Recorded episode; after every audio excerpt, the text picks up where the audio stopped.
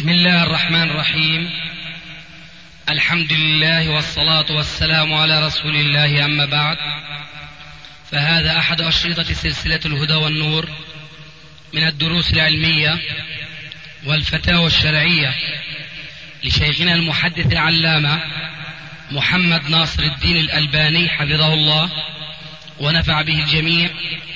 قام بتسجيلها والتأليف بينها محمد بن أحمد أبو ليلى الأثري. إخوة الإيمان والآن مع الشريط الثالث والثلاثين بعد المئة السادسة على واحد. إذا سمحت قليلا بدي أذكر بشيء قال تعالى وذكر فإن الذكرى تنفع المؤمنين. وإن من أهم ما يجب التذكير به. إنما هو ما ابتلي به جماهير الناس بجهله أو على الأقل بالغفلة عنه. الذي ينبغي الاعتناء بالتذكير به قبل كل شيء إنما هو ما كان مجهولا عند جماهير الناس أو كانوا غافلين عنه. إن أكثر المساجد القديمة بنيت يوم بنيت والهندسة المعمارية لم تكن قد ساعدتهم على بناء مسجد دون أعمدة ودون سواري. ولذلك فلا يكاد مسجد يخلو من أن يكون فيه عديد من الأعمدة والسواري. وهذه الأعمدة يوم بنيت بنيت دون تخطيط من مهندس فقيه بالإسلام أو على الأقل أن يت... أن يتعاون مع عالم من من العلماء.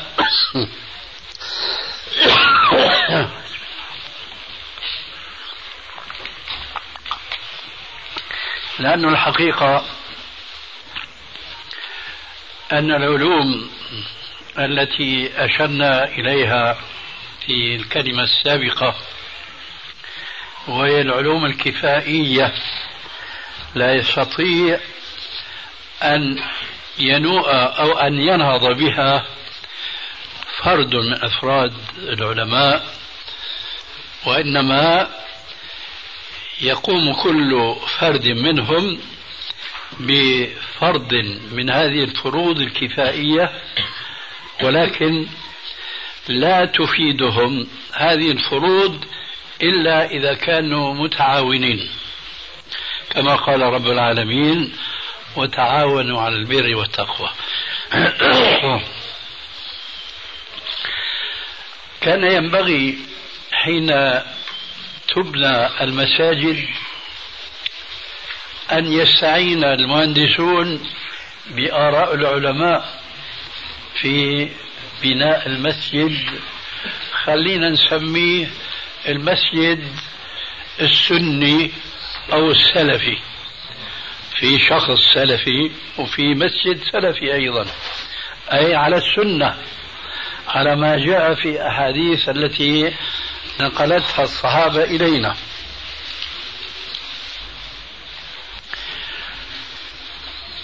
إن من الأحاديث العجيبة الغريبة التي أهمل تطبيقها حتى اليوم مع أن ذلك من الميسور وليس ذلك تقدموا يا أخواننا تقدموا ما استطعتم. كما يقولون تزاحموا تراحموا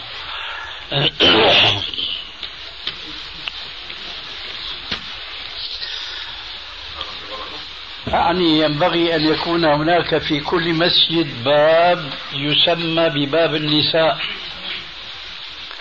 أي لا يدخله إلا النساء. كما أن الباب الخاص بالرجال أو الأبواب الخاصة بالرجال ما ينبغي للنساء أن يدخلوا المسجد من باب من تلك الأبواب. ذلك مأخوذ من حديث رواه أبو داود في سننه من طريق نافع مولى عبد الله بن عمر بن الخطاب رضي الله عنهما. قال نافع عن ابن عمر أنه دخل مع النبي صلى الله عليه وآله وسلم يوما إلى المسجد المسجد النبوي. فقال عليه الصلاة والسلام لو تركنا هذا الباب للنساء. قال نافع.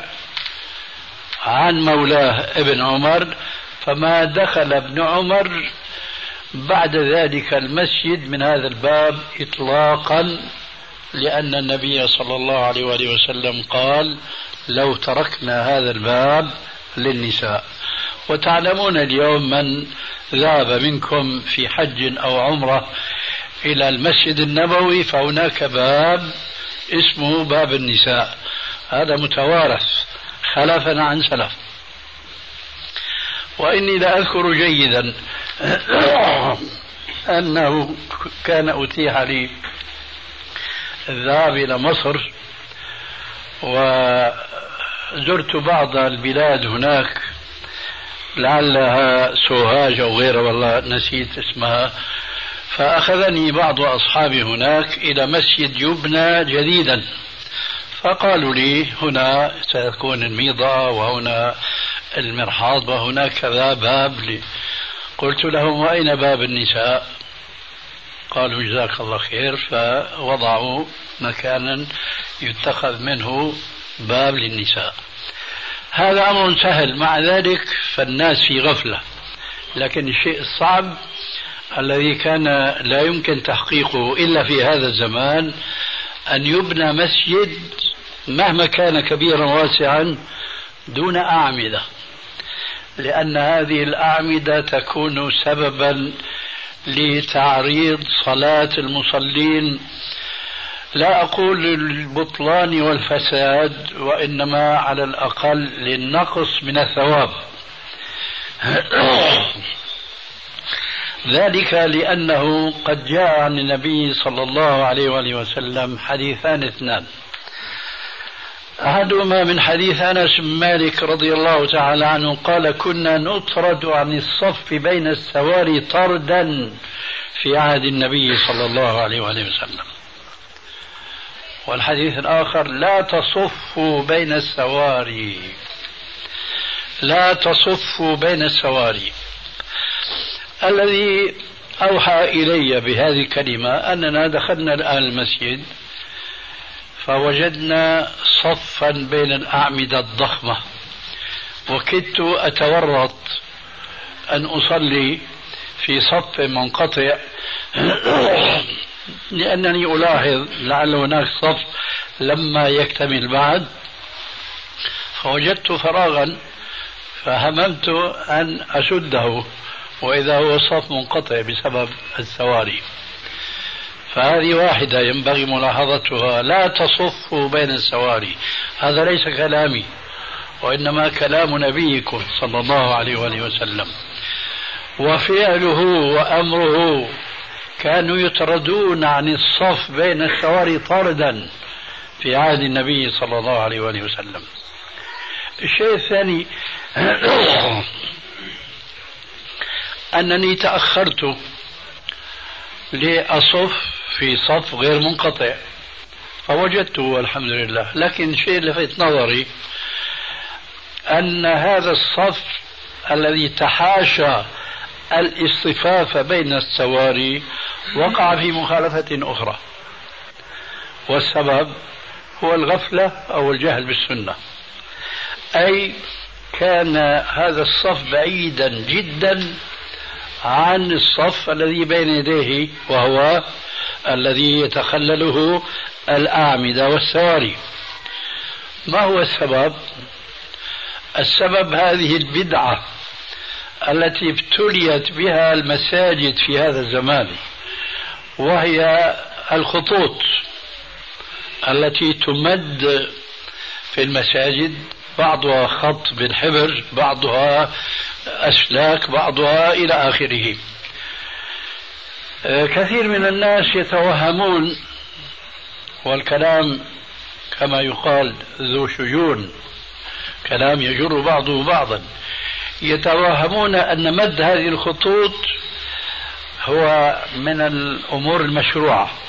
ذلك لأن الناس يسوون الصفوف عليها.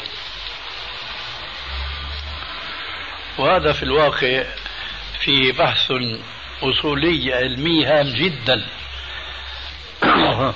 وهو.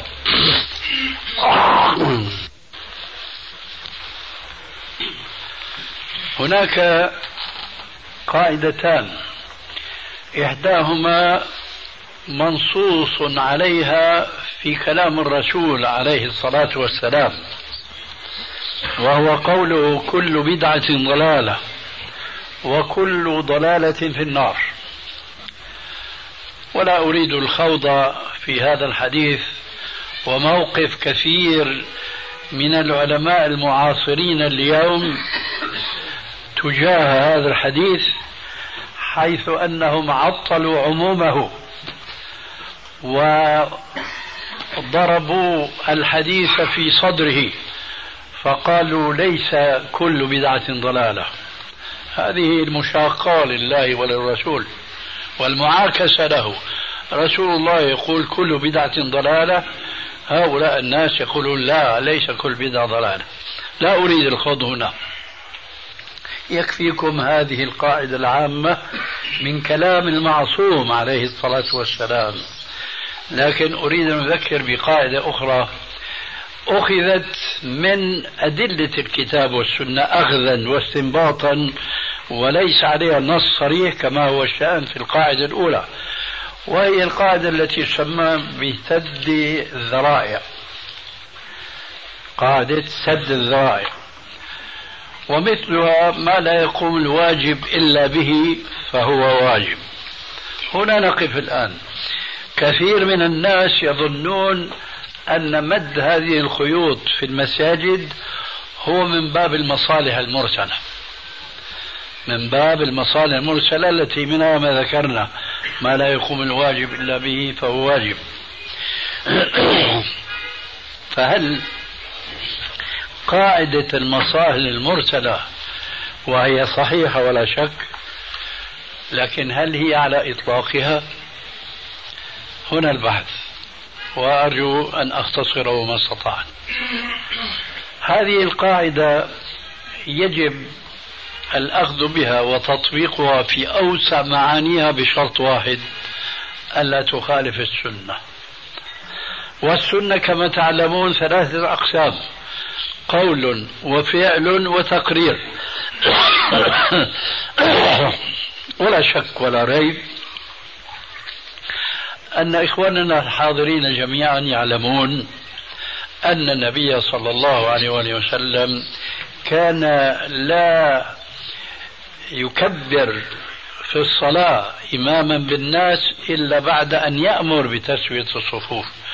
وأن يقول لزيد تقدم وآخر تأخر إلى آخره حتى كان يسوي الصفوف كما تسوى القزاح تبع الرماح. وكان عليه السلام يشدد جدا ويؤكد الأمر بتسوية الصفوف حتى كان يقول لا تسون صفوفكم أو لا يخالفن الله بين وجوهكم.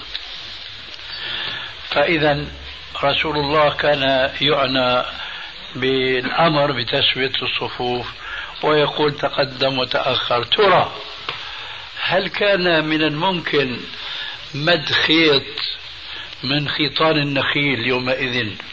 وما أكثره؟ كان يمكنه عليه السلام أن يفعل ذلك أم لا؟ الجواب بداهة. إذا هل فعل الرسول ذلك؟ الجواب لا إذا هل يجوز نحن أن نفعل ذلك؟ الجواب لا لماذا؟ لأنه ما كان المقتضي قائما لإحداث أمر في عهد الرسول ولم يفعله فإحداثنا له مع وجود المقتضي في ذاك الزمان وعدم إيجاده إياه هو من البدع الداخلة في عموم قوله عليه السلام السابق الذكر كل بدعة ضلالة وكل ضلالة في النار. إذا لا يجوز الاغترار بهذه المحدثة والبدعة التي شاعت اليوم في مساجد المسلمين وسبب شيوعها هو أحد شيئين وأحلاهما مر غفلة العلماء عن الفقه الصحيح المستقى من الكتاب والسنة أو مع عدم غفلتهم هم لا يعنون بتعليم آه، إخوانهم المسلمين. لذلك نشأت هذه البدعة وعمت المساجد. ثم مشكلة أخرى الذين يخطون هذه الخطوط أيضا ليسوا بعلماء. وهنا الشاهد الآن في البحث. تجد خطا لو وقف عنده المصلي ينطح العمود برأسه. لك يا جماعة لماذا خططت هذا الخط؟ تأخروا به قليلا حتى يتمكن المصلون أن يسجدوا لربهم كما ينبغي لهم السجود. ما في مجال. إذا هذا الخط لماذا؟ ذهب الخط سدى وضع ذلك المكان سدى. ماذا نشأ؟ جاء الخط الثاني بينه وراءه. وهذا الذي شاهدته الليلة فوقف الناس لما دخلنا نحن. كان الصف يكاد يمتلئ. ممكن إدخال صف ثاني بين العمود وبين هذا الصف. لكن الخطأ من أين نشأ؟ من الذين خطوا هذه الخطوط دون تفكير ودون وعي. فلما انضمرت للصف لقيت بيني وبين السارية مسافة بعيدة. هل هنا مخالفة للشريعة؟ نقول نعم. قال عليه الصلاة والسلام قاربوا بين الصفوف. هنا صار في مباعدة بين الصفوف. إذا كان ينبغي أن يكون هناك الصف الخط الأول الذي إذا وقف المصلي لا يستطيع أن يسجد وراء السارية يتأخر خط مقدار شبرين فيقف الصف وبالتالي الصف الثاني وراءه وهكذا. إذا بدعة جرت بدعة كثيرة وكثيرة جدا. هذه البدعة هي الخطوط المنتشرة اليوم في المساجد. هذه ما ينبغي أن تكون. لماذا؟ لأن الناس يتواكلون عليها في تسوية الصفوف. وخذوا المثال الآن في هذه السنة التي شاعت بفضل الله عز وجل في هذه السنين المتأخرة في كثير من البلاد في الأردن وقد كانت أميتت من قبل هي سنة إقامة صلاة العيدين في المصلى. في المصلى أرض عادية. وليس هناك خطوط ممدودة. فتجد الصفوف من أسوأ ما ترى من صفوف. ذلك لأن الناس ما بيصفوا إلا على الخيط. هون ما في خيط. فإذا تلاقي شيء طالع وشيء فايت وشيء منظر من أفسد المناظر.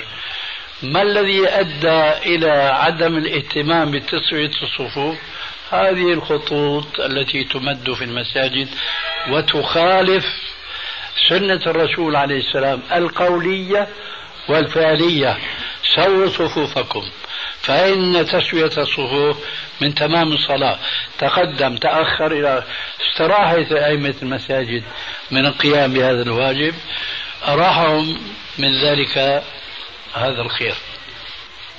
ولذلك فأنا أذكر بهذا الذي شاهدته هذا الخط الذي هو قريب من العمود يجب أن يؤخر قليلا حتى يتمكن من وقف وراء العمود من السجود وحتى ما يكون الصف الذي لا يريد أن يصف بين السواري بعيدا عن الصف الذي بين يديه. ثم هذا الصف الذي بين السواري لماذا؟ فليكن الصف أمام السواري. فهذه السارية مثلا. فليكن الصف أي القبلة يكون الخيط هنا. ما يقفون هنا. والمسألة سهلة جدا ولكنها تحتاج إلى مذكر وأنا قد ذكرتكم وليبلغ الشاهد الغائب. تفضل. نعم. تفضل. يا شيخ الأسئلة. بارك الله فيك. آه، يقول السائل هنا هل يجوز اغتيال بعض رؤوس الطواغيت الذين يحاربون الإسلام عن طريق الفكر أو العمل؟ عن طريق إيش؟ الفكر أو العمل. اغتيال عن طريق الفكر. شو المقصود يعني؟ هو يقول الذين يحاربون الإسلام عن طريق الفكر. فاهم. كله فهمته. نعم. بس الاغتيال عن طريق الفكر ما فهمت لا لا هو يقول الاغتيال هل يجوز اغتيال بعض رؤوس الطواغيت الذين يحاربون الإسلام عن طريق الفكر أو العمل؟ آه. آه الاغتيال في الإسلام يجوز ولا يجوز يجوز حينما آه، تقوم قائمة الحكومة المسلمة وعليها حاكم يحكم بما أنزل الله ويكون من حكمه بما أنزل الله يكون لديه مجلس شورى كما قال تعالى وأمرهم شورى بينهم. ويكون في هذا المجلس علماء من كل ذوي الاختصاصات كما قلنا آنفا من العلوم الكفائية. فإذا رأى الحاكم المسلم وهو يدير الحكم على ضوء الكتاب والسنة ومنهج السلف الصالح كما ذكرنا. إذا رأى أن من مصلحة المسلمين والدعوة الإسلامية اغتيال آه، رأس من رؤوس المنافقين أو الملحدين جاز تنفيذ أمر هذا الحاكم. أما ما يقع اليوم من تصرفات فاسدية لبعض الناس أو الشباب المتحمسين أو بعض الجماعات التي تغلو في دعوتها وتحارب الإسلام من حيث أنها تزعم أنها تخدم الإسلام لأنها تسير في فهمها للإسلام ليس على الخط المنهجي السلفي الذي ذكرناه قبل الصلاة. أما ما يفعله هؤلاء الشباب المتعمدون فهذا أولا لا يجوز وثانيا تكون العاقبة خسارة بالنسبة للمسلمين المستضعفين في الأرض. فهذا الغدر هذا لا يجوز في مثل هذا الوقت وإنما حينما تقوم قائمة الدولة المسلمة وعسى أن يكون ذلك قريبا. هناك يرد مثل قوله عليه الصلاة والسلام الحرب خدعة أو خدعة أو خدعة. أما الآن فلا يجوز. يقول السائل هل يجوز حلق اللحية إذا كان ذلك يخدم الحالة التنظيمية؟ هذا السؤال يذكرنا ببعض ما جاء في بعض الأسئلة السابقة. التنظيم إخواننا إذا كان تنظيما في حدود أوامر الإسلام وأحكام الإسلام فهذا لا أتصور مسلما فقيها ينكره. لكن الواقع أن كثيرا من التنظيمات القائمة اليوم لم تقم على أساس فقه الكتاب والسنة وعلى منهج السلف الصالح. وهذا هو المثال الآن في هذا السؤال. هل يجوز حلق اللحية؟ لمصلحة ماذا؟ تنظيم. الجواب كما سمعتم مني في بعض ما مضى يجوز ولا يجوز لكن ستسمعون أغرب مما سمعتم. لكني أبدأ بالأهم لا يجوز.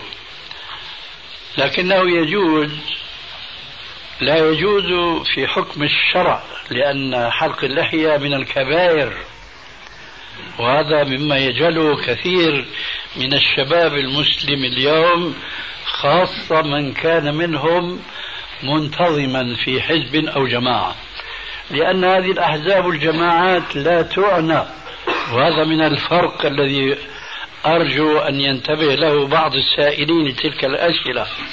هذا من الفرق بين دعوتنا ودعوة بعض الجماعات التي زعم في بعض الأسئلة أنهم معنا على منهج الكتاب والسنة. فقلنا ساعتئذ جوابا مختصرا أن هذه دعوة.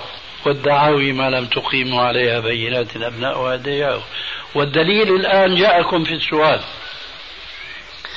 حلق اللحية من الكبائر. فهل يجوز اتخاذ وسيلة من أجل مصلحة التنظيم ارتكاب كبيرة من الكبائر؟ طبعا إسلاميا لا يجوز. لكني قلت آنفا أنه يجوز. بس على مذهب من؟ على مذهب أبي نواس. تعرفون أبا نواس؟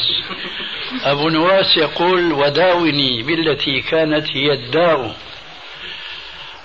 ويجوز على مذهب اليهود الذين يقولون الغاية تبرر الوسيلة. والآن لستم بحاجة فاليهود جيرانكم هنا مع الأسف ويقتلون كل يوم ما شاء الله من النفوس البريئة. الغاية تبرر الوسيلة. هذه قاعدة يهودية.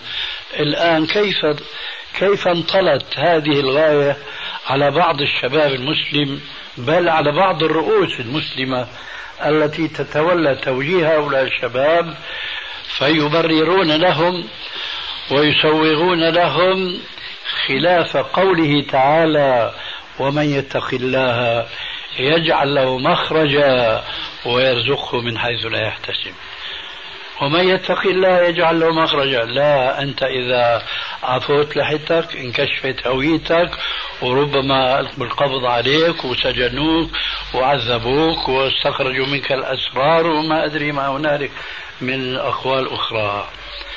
الجواب إذا إسلاميا لا يجوز لأن حلق اللحية من الكبائر. وما أظن الآن الوقت يساعد لإلقاء محاضرة. ولسوق الأدلة التي نقطع بها أن حلق الرجل لحيته هذا الحلق هو من المعاصي الكبيرة وليس فقط كما يزعم كثير من الناس خلاف السنة. يا أخي السنة من فعلها أثيب عليها ومن تركها لم يعاقب عليها. لا هذه ليست سنة فقط لأن السنة معناها الرسول فعلها فإذا اقتدينا به أثبنا وإلا إن لم نفعل لم نؤثم. قد أمر النبي صلى الله عليه وسلم بإعفاء اللحية وحذر من مخالفة وحذر من التشبه بالنساء وحذر من التشبه بالكفار وحذر من تغيير خلق الله. أربعة أدلة.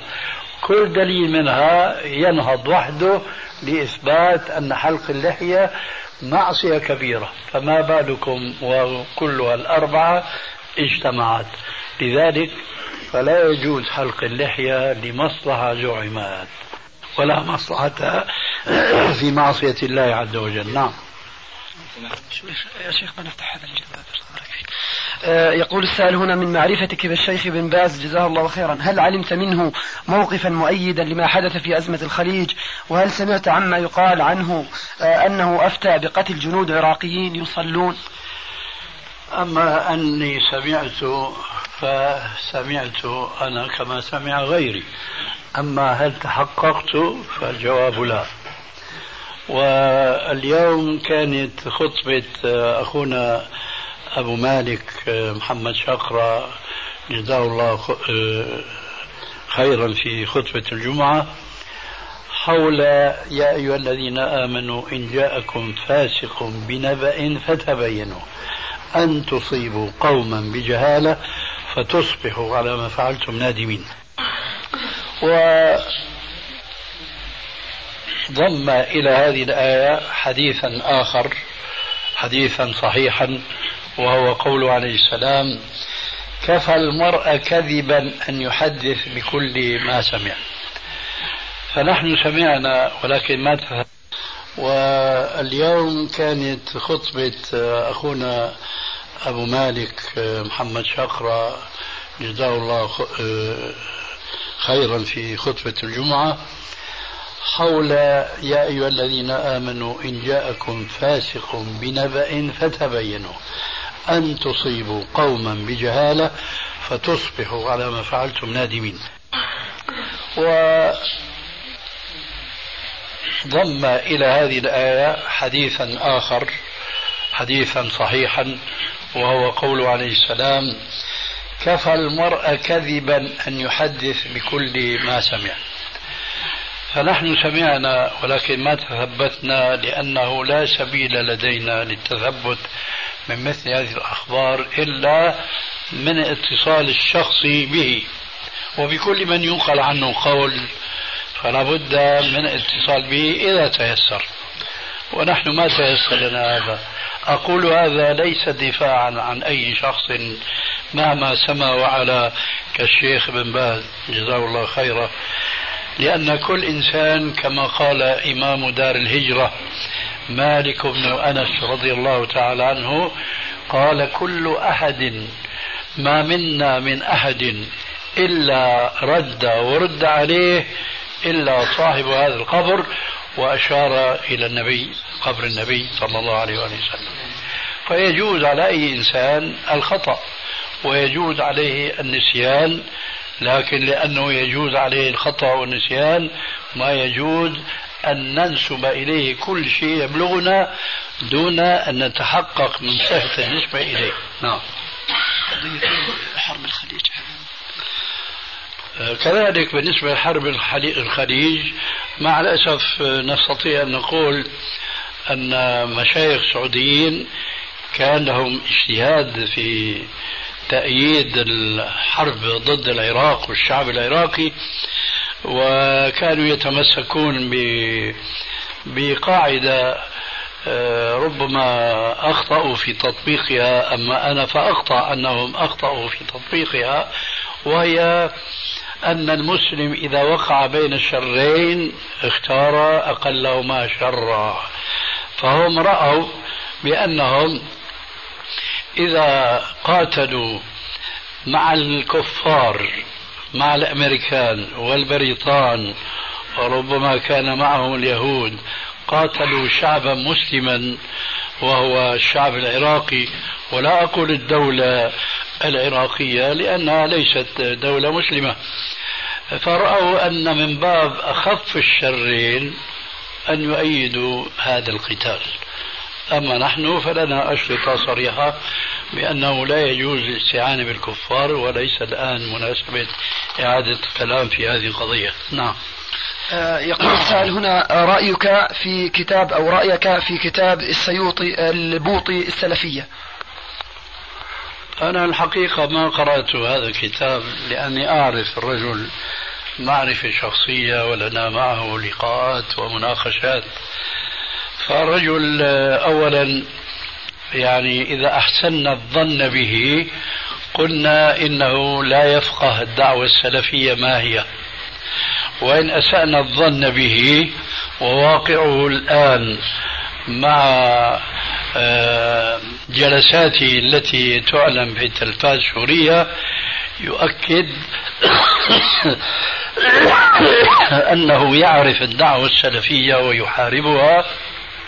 لأنه الآن يدافع عن نظام حافظ أسد بل ويزعم أن الإسلام في سوريا هو خير من كل البلاد الإسلامية الأخرى. فهذا رأيي في الرجل آه، يقول السائل ما حقيقة هجومك آه، على السيد عبد الفتاح أبو غدة في مقدمة كتاب العقيدة الطحاوية؟ أنا لست أرى من المصلحة إحياء الأموات بعد أن دفنوا. هذه قضية قديمة جدا يعني مضى عليها ربما نحو عشرين سنة. لكن الرأي بإيجاز أن الرجل يعني أولا لعلكم تعلمون أنه ينتمي إلى شيخ معروف بعدائه لأهل السنة ولأهل الحديث بكتاباته ورسائله ألا وهو الشيخ زاهد الكوثري. وأنه ينتمي إلى التتلمذ عليه وأنه من حبه لهذا الرجل المبتدع والمتعصب ضد الدعوة السلفية الحديثية. سمى الشيخ أبو غدة أحد أولاده باسم هذا الشيخ أي زاهد. فهو يدافع عن زاهد الكوثري الذي يطعن في عقيدة السلف الصالح وبخاصة ما يتعلق منها بالأسماء والصفات الإلهية. فهو من القائلين بالضلالة الكبرى التي ألمحت إليها في الجلسة الأولى أن الله عز وجل في كل مكان وأن الله لا يوصف بأنه العلي الأعلى خلاف العقيدة السلف الصالح.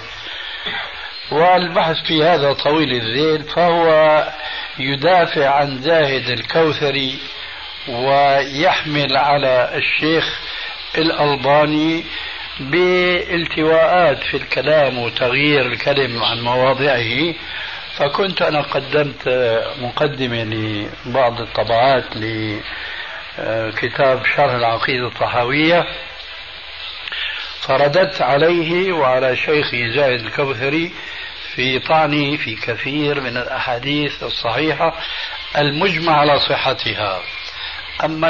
أما الكوثري الصغير أنا أسميه بالكوثري الصغير لأنه ينتمي إلى زايد الكوثري هذا الكبير. فأنا كنت آه، رددت عليه حينما نسبني إلى أنني لا أقبل حديثا صححه البخاري ومسلم إلا بنقدي الخاص وأخذ علي منهجي في تخريج أحاديث شرح العقيدة الصحاوية من كان منكم على اطلاع عليها يجد حينما أخرج الحديث أبتدئ بكلمة صحيح. رواه فلان وفلان. قد أقول مثلا صحيح رواه البخاري ومسلم. صحيح رواه البخاري. صحيح رواه مسلم. صحيح رواه أبو داود. إلى آخره. آه أساء الظن بي فقال هذا الأسلوب معناه أن الشيخ الألباني لا يصحح الحديث ولو كان متفقا عليه إلا يعطي رأيه الشخصي. فأنا رددت عليه قلت له هذا أسلوب لم أتفرد أنا به بل أنا استفدته من بعض أئمة الحديث وضربت على ذلك بعض الأمثلة من كتاب شرح السنة للإمام البغوي. قبل أن يطبع هذا الكتاب في خمسة عشر مجلدا. ضربت له بعض الأمثلة يقول البغوي في بعض الأحاديث التي يذكرها بالسند يقول حديث صحيح متفق عليه بين البخاري ومسلم. ولذلك فهو اصطاد في الماء العكر. هذه الكلمة التي جريت عليها أراد أن ينسبني إلى أنني لا أثق بصحيح البخاري وصحيح مسلم وهذا كذب وافتراء ولذلك قدمت تلك المقدمة التي أظن بلغت أكثر من خمسين صفحة وقدمت إليه قريب من عشرة أحاديث لا أذكر الآن بالضبط مما اتفق البخاري ومسلم على تصحيحها أو تفرد بتصحيح أحدهما والشيخ الكوثري ضعف تلك الأحاديث. فقلت له سبحان الله أخذت من كلام الألباني صحيح رواه البخاري مسلم لتتهمه بما شيخك زايد الكوثري واقع فيه متلبس فيه. ومن الأحاديث التي يضاعفها هذا الرجل ويضاعفها بعض أذنابه في العصر الحاضر وبعضهم له بعض الرسائل والكتابات حديث الجارية. حديث الجارية حديث صرها بصحته نحو عشرة من أئمة الحديث. وتداولته كتب السنة كموطأ الإمام مالك وهو أقدم الأئمة المعروفين اليوم في رواية الحديث. رواه الإمام مالك في الموطأ رواه الإمام أحمد في المسند رواه الإمام مسلم وأبو عوانة وابن حبان وابن خزيمة كلهم في صحاحهم.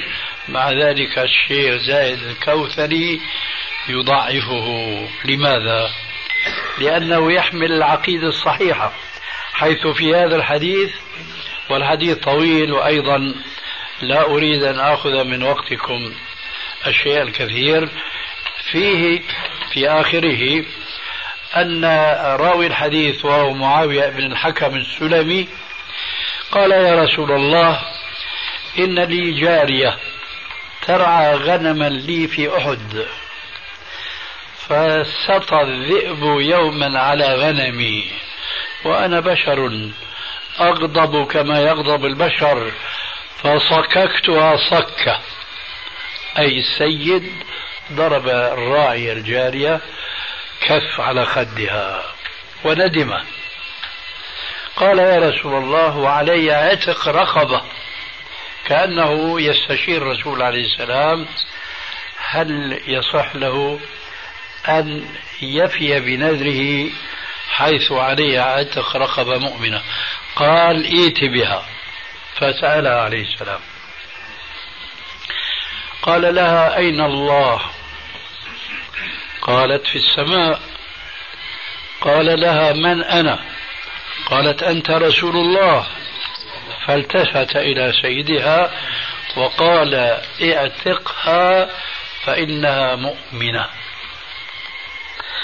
شهد الرسول صلى الله عليه وآله وسلم لهذه الجارية على إيمانها حينما أحسنت الجواب على سؤالي رسولها.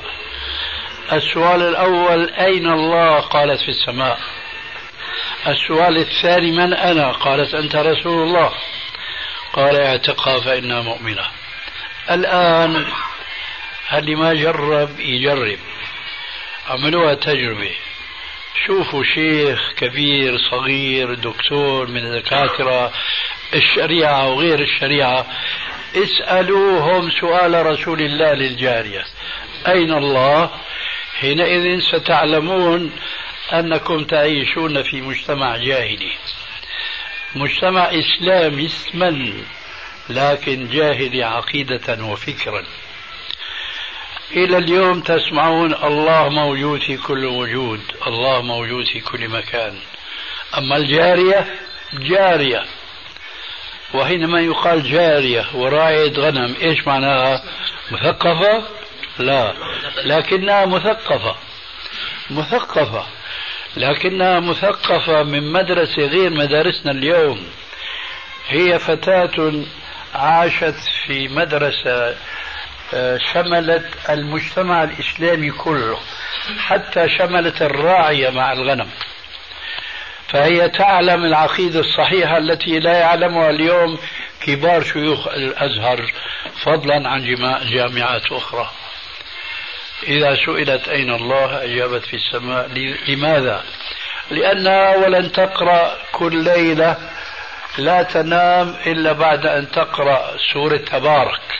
وفيها أأمنتم من في السماء أن يخسف بكم الأرض؟ فإذا هي تمور أم أمنتم من في السماء أن يرسل عليكم حاصبا؟ فستعلمون كيف نذير هي تقرأ ولكنها تفهم. ثم هي تفهم لكن تفهم الفهم السلفي لأنها تعيش في الجيل الأول. خير الناس قرني قبل أن يدخل علم الكلام في عقيدة المسلمين فتؤول لهم النصوص على طريقة القاديانية الذين أولوا. ولكن رسول الله وخاتم النبيين أي زينة النبيين. كذلك آمنتم من في السماء تأول المتأولة من الماتريدية والأشاعرة. آمنت من في السماء أي الملائكة أي عذابه. لماذا هذا التأويل؟ لأنهم لا يؤمنون بعلو الله عز وجل على عرشه. ولم لا تكون هذه الجارية على هذه العقيدة الصحيحة؟ وهي تسمع مثل قول النبي صلى الله عليه وآله وسلم الراحمون يرحمهم الرحمن. ارحموا من في الأرض يرحمكم من في السماء. ارحموا من في الأرض يرحمكم من في السماء. قولوا الآن هنا الملائكة هو الله عز وجل أرحم الراحمين. هذه الجارية أجابت بهذا الجواب الصحيح لأنها تخرجت من مدرسة رسول الله صلى الله عليه وسلم وهي جارية وراعية غنم. فماذا نقول عن الصحابة وعن كبارهم؟ هذا الحديث الصحيح أنكره جاهد الكوثري. فقلنا لأبو غدة تلميذه لماذا تنكر علي هذا الأسلوب؟ صحيح رواه البخاري ومسلم. ولا تنكر علي شيخك إنكار الأحاديث صحيحة وبخاصة هذا الحديث الذي يتبنى عقيدة علماء السلف قاطبة. لا فرق بين مالك وأبي حنيفة والشافعي وأحمد بن حنبل.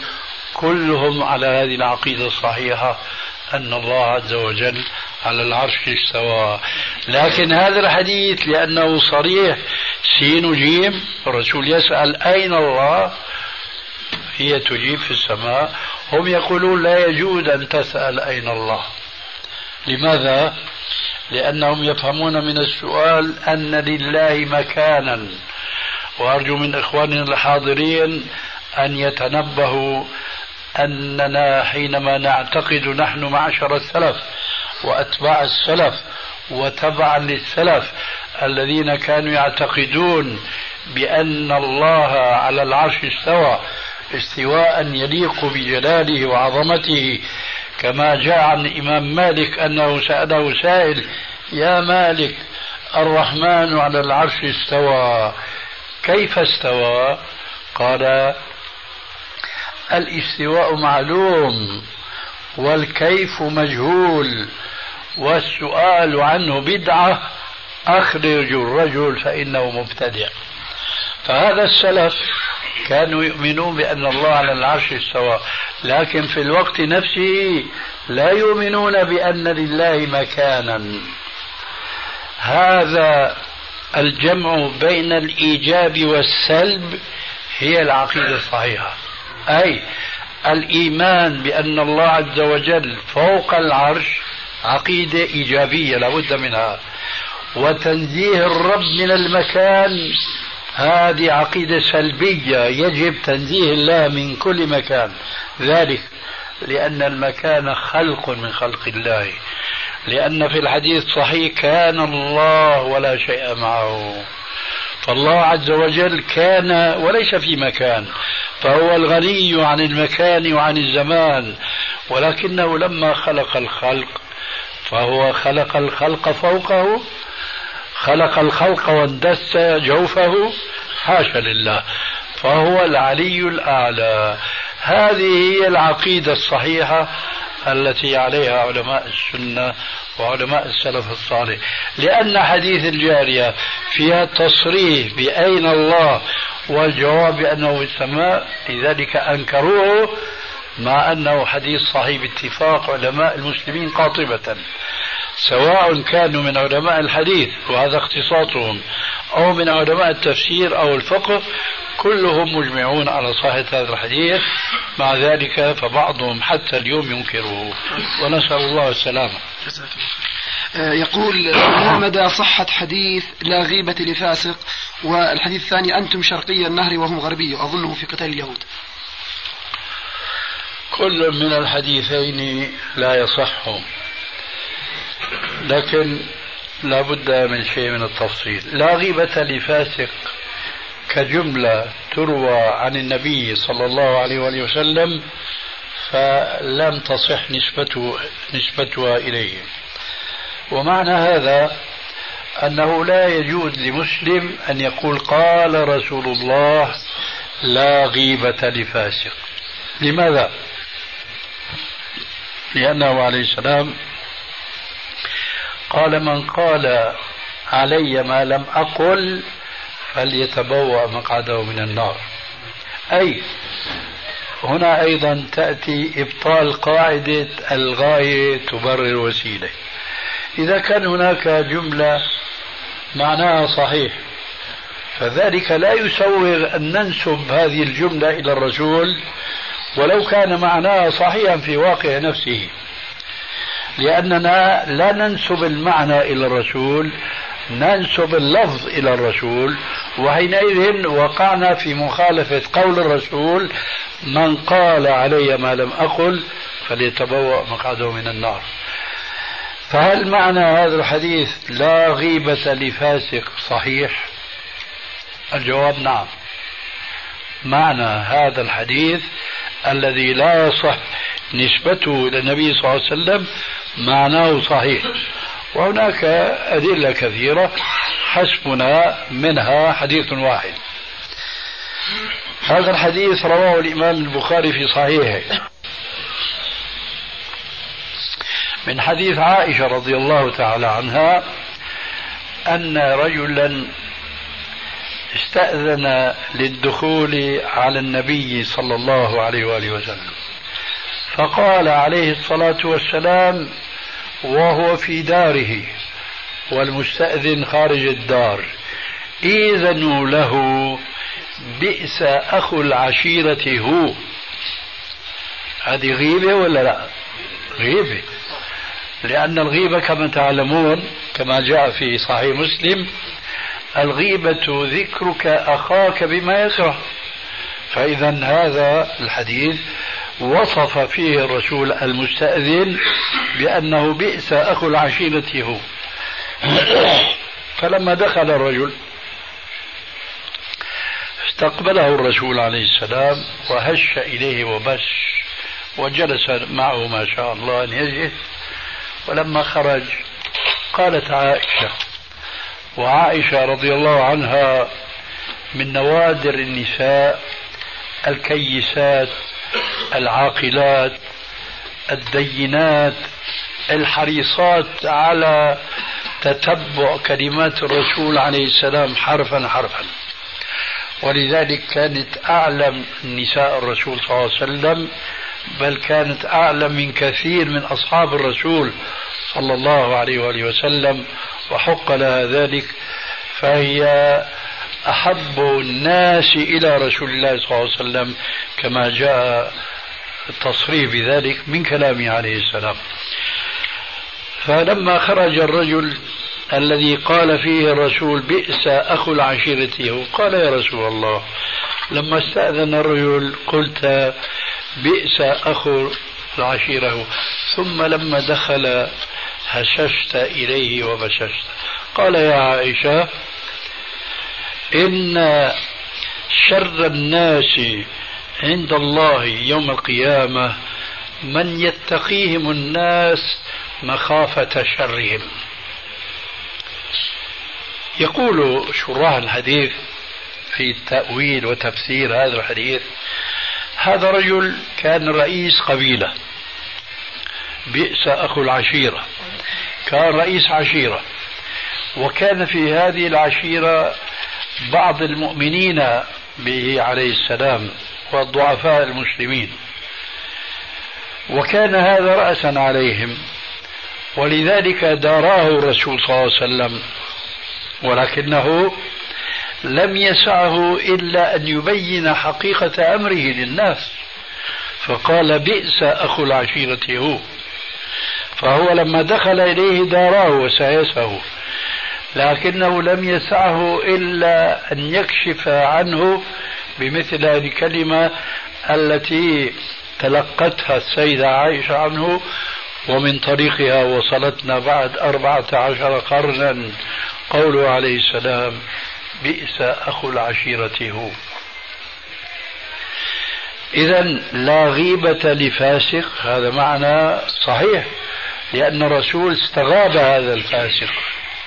ومن هنا قال العلماء أن الغيبة التي أصلها التحريم يدخلها مستثنيات وهذا شيء مهم جدا. ومن أهميته أن من جهل هذه المستثنيات وتمسك بالقاعدة العامة ضل ضلالا بعيدا وفسد المجتمع بسبب جهله بهذه المستثنيات. جمعوها في بيتين من الشعر فقال قائلهم القدح ليس بغيبة في ستة. القدح ليس بغيبة في ستة. متظلم ومعرف ومحذر ومجاهر فسقا. ومستفت ومن طلب الإعانة في إزالة منكر. هذه الحقيقة تحتاج إلى محاضرة وإنما الشاهد أن حديث لا غيبة لفاسق ضعيف المبنى صحيح المعنى. أظن هذا الكلام الملخص يفهم من الكلام السابق شرحه.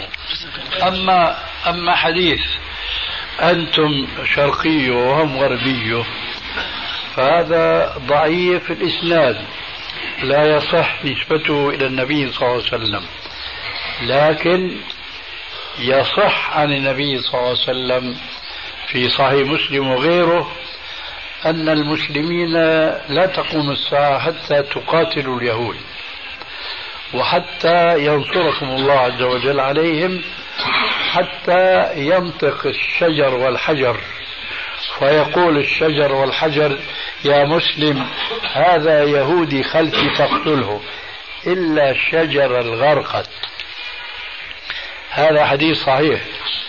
أما القسمة الواقعية اليوم التي يحدث عنها الحديث الضعيف فالله أعلم. قد تتغير الأمور والأحوال ويطرد اليهود من فلسطين لكن مش منا نحن نحن المسلمين اليوم الذين تكالبنا على الدنيا لابد أن يكون جيل آخر غير هذا الجيل. أنا أعتقد أن اليهود لا استقرار لهم في فلسطين. لا أقول هذا تفاؤلا بل أقول هذا تفقها في أحاديث كثيرة وكثيرة جدا منها هذا الحديث. هذه المقاتلة ستقع في فلسطين وسينصر الله المسلمين على اليهود. هذا من جهة ومن جهة أخرى أننا نشاهد في بعض الأحاديث الصحيحة أنه حينما يخرج الدجال يخرج من نحو إيران من نحو خراسان ومعه سبعون ألفا من اليهود عليهم الطيالسة فيأتون إلى فلسطين وعيسى عليه السلام في بيت المقدس فيحاصره الدجال ومعه أولئك اليهود فيخرج عيسى ويرميه بحربة فيقتله ويذوب الدجال كما يذوب الملح في الماء. معنى دخول عيسى ومحاصرة الدجال له في بيت المقدس ليس هناك يهود يومئذ. ولذلك فلا تيأسوا من روح الله. إنه لا يأس من روح الله إلا القوم الكافرون. ولكن علينا أن نعد العدة. الواجب علينا كل بحسب استطاعته لكي نتمكن يوما ما. قريبا كان هذا أم بعيدا. هذا بيد الله تبارك وتعالى. من طرد اليهود وإخراجهم من بلاد الإسلام كلها وعسى أن يكون ذلك قريبا. وبهذا القدر كفاية والحمد لله رب العالمين. وسبحانك اللهم وبحمدك أشهد أن لا إله إلا أنت أستغفرك وأتوب إليك. وإن شاء الله إن شاء الله مرة أخرى نزوركم. والآن نودعكم والسلام عليكم.